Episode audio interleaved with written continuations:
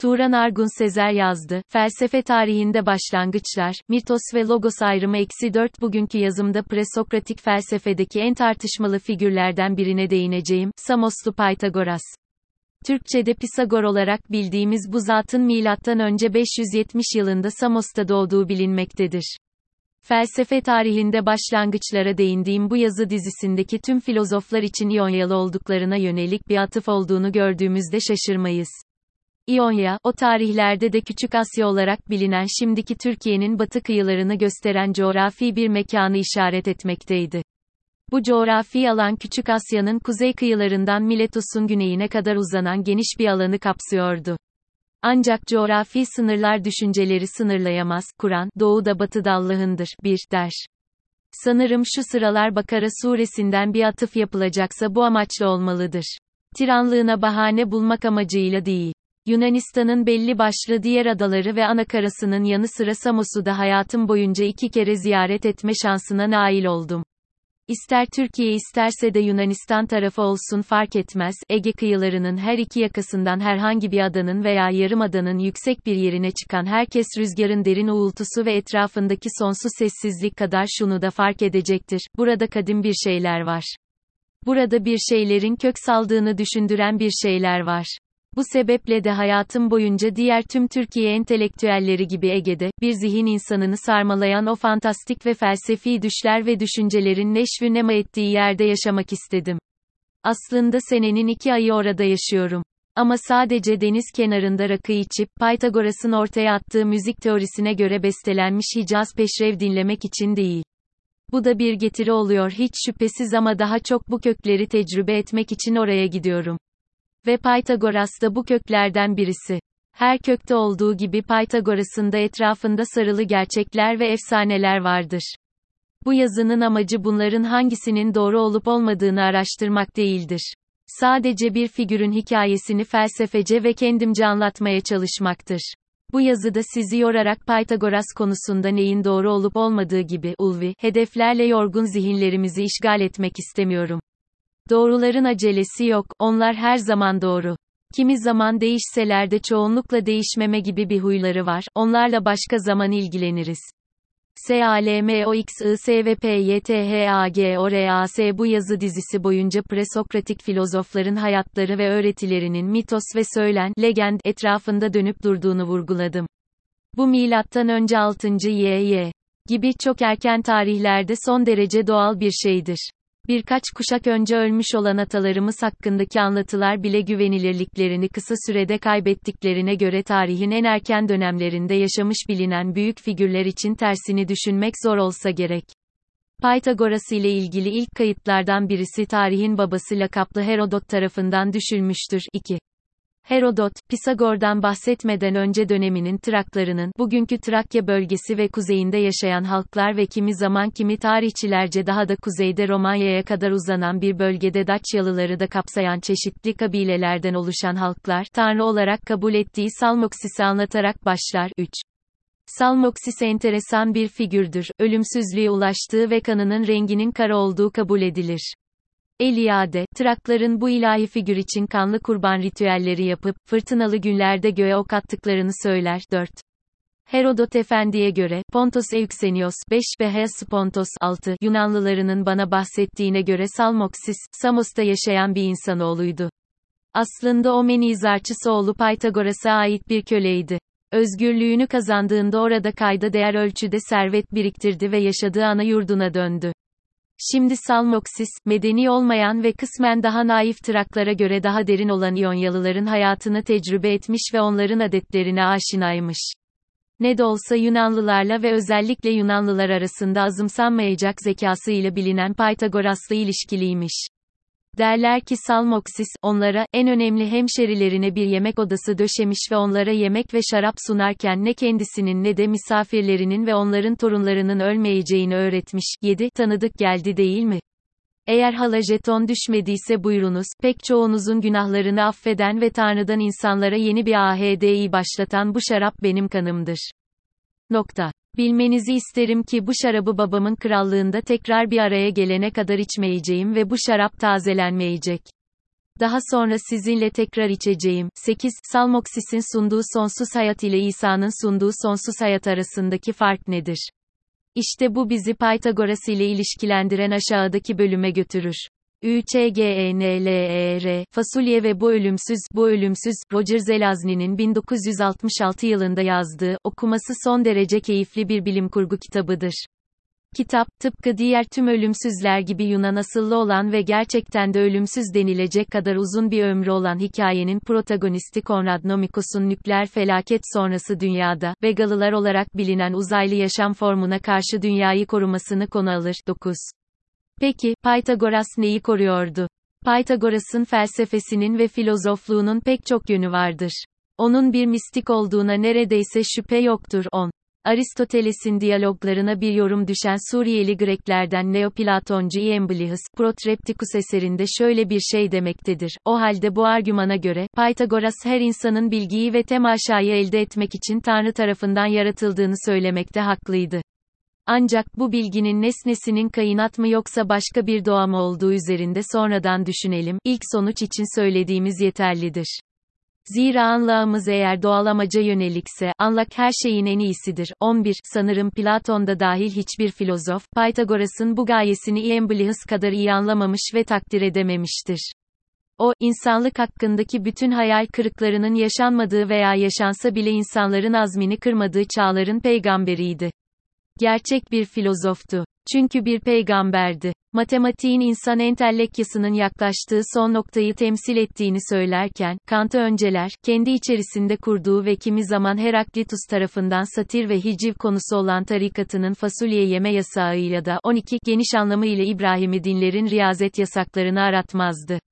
Herakleitos ona Kopidon Archegos, Kopisin Archigos yani şarlatanların şahı demiş 13 ve takipçilerini de şarlatanlıkla suçlamıştı. Onun fasulye yeme yasağından Lartaios şöyle bahsetmektedir. Aristoteles, eseri, Pythagorasçılar üzerine de, Pythagorasçıların fasulyeden uzak durmasının sebebinin fasulyelerin genital organlara veya Hades kapılarına benzemesi olduğunu, Hades kapıları gibi menteşelerinin olmadığı, veya yok edici bir doğası oldukları, veya kainatın doğasına benzedikleri veya oligarşik oldukları, yöneticiler tükettikleri için, söyler, 14, burada çok daha enteresan sonuçlara varılabilir. Pythagorasçılar o dönemin pek çok filozofu gibi aşırı yemeği ve et tüketimini doğru bulmamaktaydı. Bunda Hint felsefelerinin ne kadar etkisi vardır.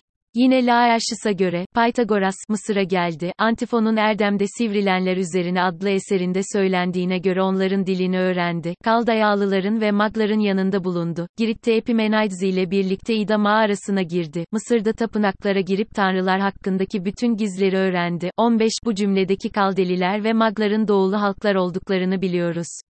Pythagoras hakkındaki kimi mülahazalar, özellikle aşağıda az sonra ele alacağımız metemfiskosis yani tenasüh veya bildiğimiz adıyla ruh göçü öğretisi de onun irfanındaki doğulu kökler hakkında bilgi vermektedir. Tüm tartışmalara karşılık Pythagoras'ın sonraki felsefede özellikle Platonculuk ve Neoplatonculuk üzerine etkisi kesindir. Neoplatoncu Tarıntumlu Arçaytas'tan, Porfiriye ve oradan Emanius Sekas ve Iamblichus'a kadar pek çok Neoplatoncu Pythagoras'ın müritleri hakkında anlatılardan daha fazla mürididir.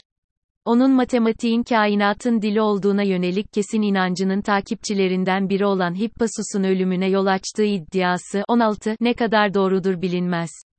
Hippasus'un bazı sayıların rasyonel olamayacağını gösterdiği için, mesela karekök 2'nin, gemiden atıldığı veya boğdurulduğu iddia edilmektedir. 17. Pythagoras, kendi adıyla da bilinen Pisagor denklemini ileri sürdüğü söylenir. Denklemi biliyoruz. Hipotenüsün karesinin diğer iki kenarın karelerinin toplamına eşit olduğunu ileri süren bu aksiyomda ortaya çıkan sonuca göre herhangi bir irrasyonel sayının çıktığını da biliyoruz herhangi bir sonucun muhakkak rasyonel bir sayıyı, mesela karekök 64'ü, vermesinin kesin olmadığını karekök 23'ü de verebileceğini kestirmek zor değildir. O halde Pythagoras bunu niye saklama cihetine gitsin? Pythagoras'ın adıyla bilinen bu teorinin Pythagoras'tan binlerce yıl önce bulunduğunu da biliyoruz. 18.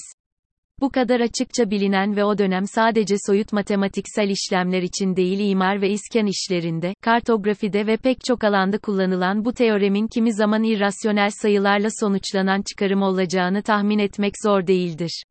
Ancak burada Walter Burkert devreye girer ve bizi uyarır. Burkert'ın yoğun ve kapsamlı çalışmaları Pythagoras'a atfedilen pek çok matematiksel keşfin güvenli bir şekilde Pythagoras'a atfedilemeyeceğini söylemektedir. 19. Bu konuda Burkert'ın apayrı bir çalışması vardır ki burada kısacık bile olsa bahsedersek yerimiz yetişmeyecektir. 20. Gerçekten de Pythagoras'ın matematikçiliğini hakkındaki bu kadar bulutlu ve mistik söylencenin içerisinden ayıklamak çok zor görünmektedir. Geriye onunla ilgili en enteresan bilgilerden birisi, yani onun ruh göçü, tenosü, reenkarnasyon ile ilgili fikirleri kalmaktadır. Eliade, Pythagoras hakkındaki söylencelerin pek çoğu ile Yunan mitolojisindeki Orpheus anlatısı arasındaki benzerliklere atıf yapar. 21. Tıpkı Orpheus'un ve gizemli Salmoxis'in yeraltına, Underworld'i, Hades, inişi gibi Pythagoras da İda mağarasında 7 ay kalır. Döndüğünde de Senşisat Inferos, cehennem inişini, tamamlamış ve artık yeni bir insan olmuştur. O artık bir bilgedir. Pythagoras'ın öğretisinin temel dayanağı olan bu iniş, ruhsal katabasis yani arınmanın bir sonucudur. Eski Yunanlıların ve diğer medeniyetlerin iyileşme, sağaltım yapma amacıyla karanlık yerlere indikleri bilinirdi.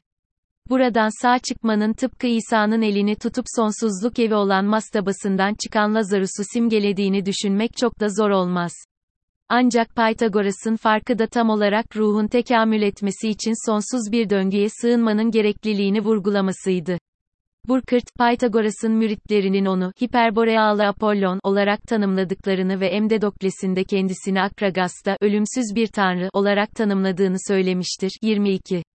Burkert'ın Yunanlıların dinleri ve felsefelerinde nomadik başka bir halk olan İskitlerin şamanik geleneklerinden etkilendiğine yönelik iddiası böylece daha rahat anlaşılabilir sanırsam. 23. Pythagoras'ın ruh göçü öğretisi de tam olarak bu şamanizme benzer çeşitli pedernleri izler. Ruh tekamül etmek için başka bir dünyaya göçer ve sonra tekrar geri gelir. Bu sonsuz döngü, Orpheus ve Eurydice arasındaki mitostaki anlatıyı tekrar edecektir. Okuru burada mağara, ruhun tekamülü, fasulyeler ve ölümsüzlükle baş başa bırakıyorum. Gelecek hafta bu konuya Empedocles ve Parmenides üzerine yazdığımızda tekrar döneceğiz. Görüşmek üzere. 1. Bakara Suresi, 115. Ayet, 2. Herodotus, The Histories, Çev. Robin Waterfield, Oxford University Press, Oxford, UK, 1998, Kitap 4 bölü 95, S266 ila 267, 3, Herodotus, A, G, E, Kitap 4 bölü 95, S266 ila 267, 4, Mircea Eliade, Zalmoxis'ten Cengiz Han'a, Çev. Ali Berktay, Kabalcı Yayın Evi, 1. Baskı, 2006, İstanbul, S. 39. 5 Karadeniz 6 Çanakkale 7 Herodotus, A, G, E, Kitap 4 bölü 95, S. 266 ila 267, 8 Matta İncili 26 bölü 28 eksi 30, Kitap-ı Mukaddes Şirketi Yayınları, İstanbul 1993, S. 30. 9 https 2 n.wikipedia.org wiki disalt çizgi imırtıl giriş giriş tarihi 12 Aralık 2021 10 Diogenes Laertius, ünlü filozofların yaşamları ve öğretileri, 8. kitap, Cev. Candan Şentuna, YKY yayınları, S. 378. 11 Aristotle, The Complete Works, Dialog, Cev. Jonathan Barnes içinde Ian Bliss, Protrepticus 16 Haziran 52, Pistelli çevirisi, paragraf B20, S. 30. 12 Aristotle, The Complete Works, Dialog, Cev. Jonathan Barnes içinde Diogenes Laertius, 834, S. 69. 13 Leonid ZHMUD, Heraclitus Pythagoras, S. 175, ResearchGate Paper, Chapter January 2017, DOI, 10. 1515 bölü 9 trilyon 783 milyar 110 milyon 421 bin 323 009 FILE 2 nokta slash slash slash D2 nokta slash downloads slash Heraclitus alt çizgi zehmud nokta pdf 14 Aristotle, The Complete Works, Dialog, Çev. Jonathan Barnes içinde Diogenes Laertius, 834, S. 69.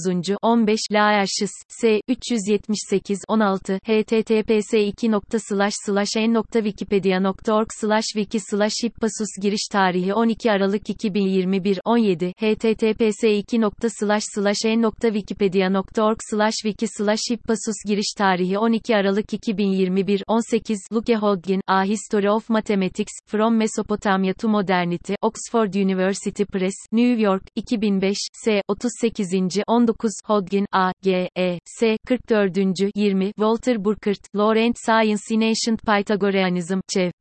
Edward Minar, Harvard University Press, Cambridge, Massachusetts, 1972. 21, Mircea Eliade, Zalmoxis'ten Cengiz Han'a, Çev. Ali Berktay, Kabalcı Yayın Evi, 1. baskı, 2006, İstanbul, S. 56. 22, Walter Burkert, Greek Religion, Blackwell Publishing, 2012, S. 268. 23, Burkert, A. G. E. S. 149.